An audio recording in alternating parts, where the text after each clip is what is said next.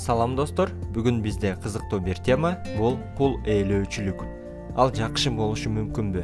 Кул ээлөөчүлүктүн биз билбеген артыкчылыктары барбы? Кул болуу дайыма эле жаман болгонбу? Кулдар дайыма эле негрлер беле кыргыз кыргызды кул кылганбы? Орус орусту же корей корейди кул кылды беле. Алгач биз кул ээлөөчүлүк бир чоң ачылыш болгон деген эмне билдирүү менен баштайлы. Дүйнөнүн тарыхында кандай ачылыштарды билебиз биз э, жазуунун ойлоп табылуусу бул чоң бир ачылыш. Э, курал жарактын аңчылыкка ар түрдүү курал жарактарын ойлоп табылуусу бул чоң ачылыш. Э, мисалы андан кийинки чоң ачылыштардын бирөөсү буу машинелери буу менен иштеген машинелер станоктор.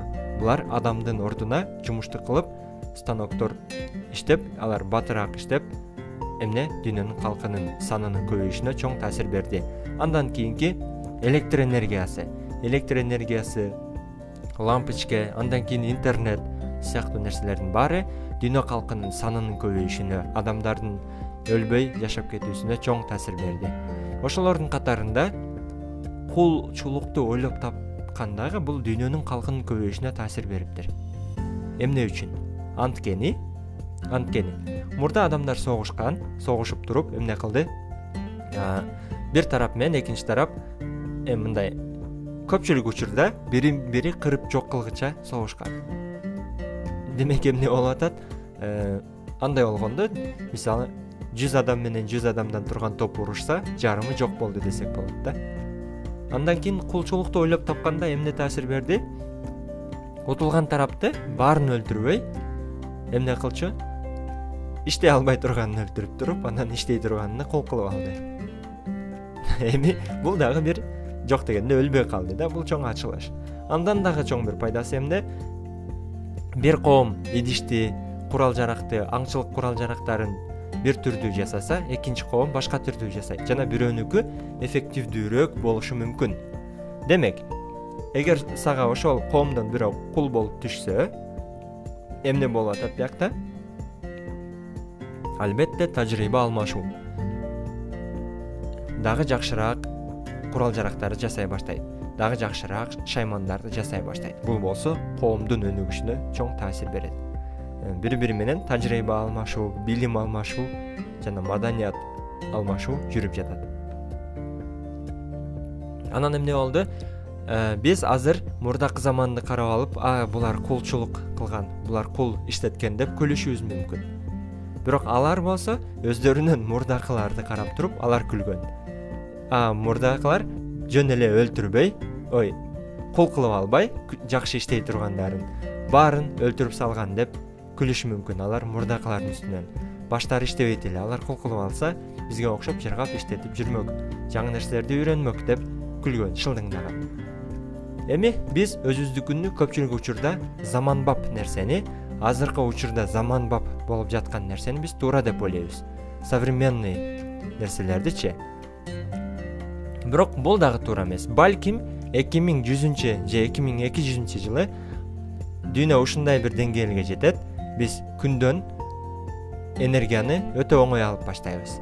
Эффективдүү алып баштайбыз. Деңиз толкундарынан шамалдардан энергияны эффективдүү алып баштайбыз. Анан биздин роботтор абдан өнүгүп кетиши мүмкүн. Анан баардык ишти роботтор аткарышы мүмкүн да.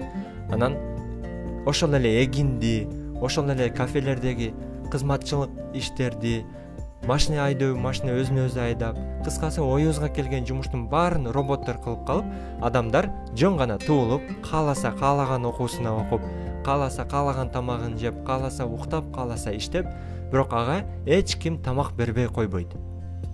Эч ким анын каалоосу акча жагынан мүмкүнчүлүк жагынан материалдык жактан ага чектөө болбошу мүмкүн.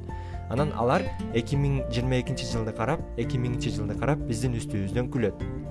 Бул байкуштар тамак жеш үчүн бирөөнүн жумушунда барып иштеген. Кечке чейин күнүнө сегиз саат он сааттан он беш сааттан иштеп жүргөн деп күлүшү мүмкүн да.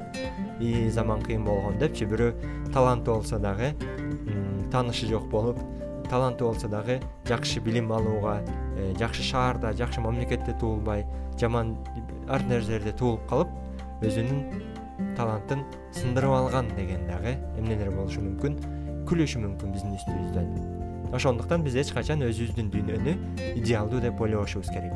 Бирок белгилүү бир заман келет мисалы эки миң беш жүзүнчү жыл. эки миң беш жүздө биз элестете албайбыз кандай дүйнө өзгөрүп кетет? Эгер бар болсочу. Бирок алар карап туруп эки миң жүздүн үстүнөн күлүшү мүмкүн. Биздин эки миң жыйырма экинчи жыл аларга таш доорундай эле уу деп жүргөн маймылдардай сезилип калышыбыз мүмкүн да биз азыркы билимибиз менен өзүбүздү кыйын сезип атканыбызда алардын билими алардын жашоо шарты менен биз алардан малдан айырмабыз жок болуп калышы мүмкүн эми мындай. Оройраак айткандачы ошондуктан мындай бир тыянакка келсе болот деп ойлойм. Прогрессте өнүгүүдө чек жок. Эки миң беш жүздөгүлөрдү үч миңинчи жылкылар карап туруп күлүшү мүмкүн дегендейчи. Демек прогрессте чек жок деген бир тыянакка дагы келсек болот. Анан бүт нерсени салыштыруу дагы эмне? Бир нерсе менен бир нерсени салыштыргандан гана келип чыгат. Дагы бир кызыктуу нерсени айта кетейин. Э, мен кореяда университетте окуп атканда кореянын тарыхы деген сабакты алганмын. Ал сабакта америкалык профессор өтөт болчу. Э, анткени кореянын тарыхын кореец берсе өзүнүн тарыхын мактап коюшу мүмкүн. Кыргыздын тарыхын кыргыз берсе мактап коюшу мүмкүн ошондуктан башка бирөө окуганда нейтралдуураак болуу ыктымалдуулугу көбүрөөк деген принцип менен мисалы казакстанда дагы назарбаев университи деген назарбаевдин университети деген университет бар. Ошол университетте дагы казакстандын тарыхын э, мен бир казак таанышым менен сүйлөшкөндө айткан америкалык бирөөбү же европалык бирөөбү өтөт экен. Бул абдан мындай кызыктуу нерсе да э, башка көз карашты угасың. Ошол профессор бизге кайсы тема болбосун? Эки тараптын оюн окутат болчу. Мисалы кореяда кулчулук болгонбу деген сөзгө эмне кылган эки автордун илимий макаласын окуткан бизге бир автор айтат кореяда кулчулук болгон эмес дейт. Экинчи автор айтат кулчулук болгон дейт. Э, мисалы бир нерсе деген сөз бар корейче. Мисалы гоби беле ноби беле эсимден чыгып кетти. Ошол слейв деген англисче кул деген сөз менен тикелей байланышпы же аны менен салыштыра албайбызбы? Америкада кулчулук болгонбу деп туруп алар эмне кылат? Келгиле кореядагы кулчулуктун тарыхыны америкадагы кулчулук менен салыштыралы анткени америкада эң жакын учурдагы кулчулуктун мисалы анан маалымат көп деп туруп америкадагы кулчулук менен салыштырат. Бул жерде башында ката кетти. Эмне үчүн? Анткени америкадагы кулчулук өтө катаал өтө орой өтө мындай жестокий деп коелу ошондой болгон. Кореядагы кулчулук экөөнүн салыштырсак америкадагы менен салыштырганда кыйла эле жумшак болуп калат. Бирок бир нерсе бар. Бул биринчи автор айтып атат ошондуктан кореяда кулчулук болгон эмес деп. Андай десең кытайдагы кулчулукту борбор азиядагы кулчулукту жакынкы чыгыштагы африкадагы европадагы евразиядагы кулчулуктарды алсаң мунун баары дээрлик америка менен салыштырганда жумшак болуп калат.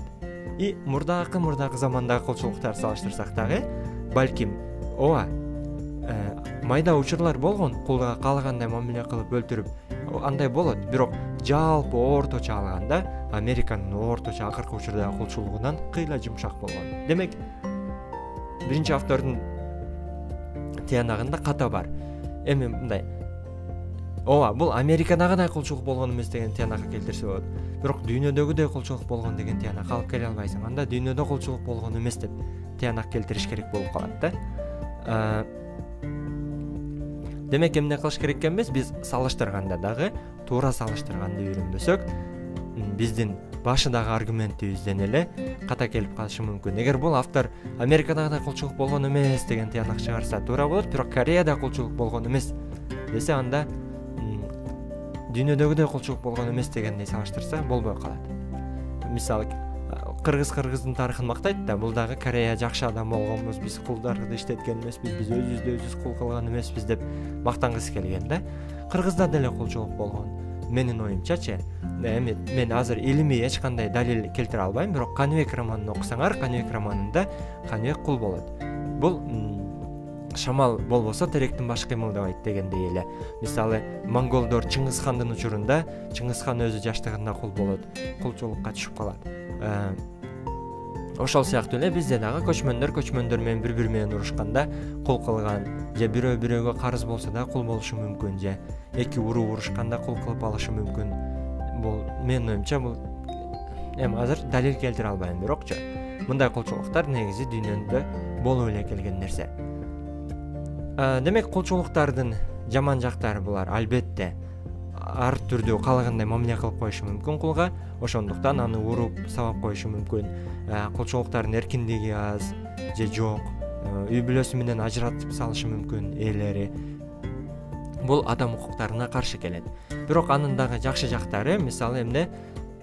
Мындай жалпы коомго алсак кулду дайыма иштетсең экөө тең эркин болсо экөө тең иштебей коюшу мүмкүн. Бирөө эркин бирөө кожоюн болсо кул иштегендиктен кулга дагы тамак болот эркин адамга дагы тамак и көбүрөөк тамак болот. Эми мындай караганда бир жагынан жакшы. Баардык эле кулдар жаман мамиле кылынган эмес аларга. Анан э, көпчүлүк кулдарда тамагы болгон э, шипыры болгон дегендей э, үй жайы болгон жашай турган кийими болгон. Сен мурдакы заманда жериң жок болсо кандайдыр бир аброюң жок болсо сен эмнеде калып кетишиң мүмкүн. Эркин адам болсоң дагы сенин эч кандай ачкачылыктан кедейчиликтен өлүп калуу ыктымалдуулугуң бар. Э, анан мурда адамдар урушканда дагы ой карыз болгондо дагы карызын кечиш үчүн акча төлөй албай калса анын карызынын ордуна барып кул болуп иштеп берген учурлар кездешкен бразилиядагы кулчулуктун мисалын алсак белгилүү бир убакытта бразилияда элүү пайыздан көп калкы кулдарды түзүп калган. Бул модель каяктан келип чыккан? Алгач африканын өлкөлөрү. Мурда миң төрт жүз миң төрт жүз токсон эки америка ачылып атат. Миң беш жүздүн ичинде э, португалдар эмнени кылышкан? Э, африкадан кулдарды сатып алып африканын батышындагы империялар хандыктар мамлекеттер болгон алардан кулдар булар болсо ошол эле африкалыктар африканын ичинен кулдарды адамдар тутуп чыгып европалыктарга кулчулукка сатышкан. Өздөрү элечи негрлерди негрлер негрлер деп коелу. Анан булар америкага бразилияга э, мыякта криштиано роналдо туулган арал бар. Ошолор португалияга карайт азыр эми.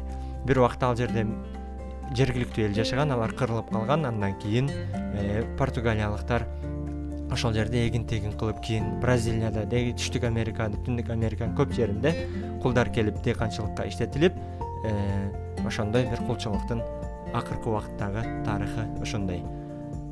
Э, кыргызстанда дагы кулчулук жөнүндө кеп кылдык. Эми сөзүмдү жыйынтыктай берейин ошол сыяктуу дагы кызыктуу маалыматтарды биздин жаңылыктарды угуп турууну кааласаңар подкасттарга башка нерселерге шилтемелерди кээде кызыктуу ойлорду дегендей биздин белгисиз маршрут билимот телеграм каналыбызга катталып койсоңор болот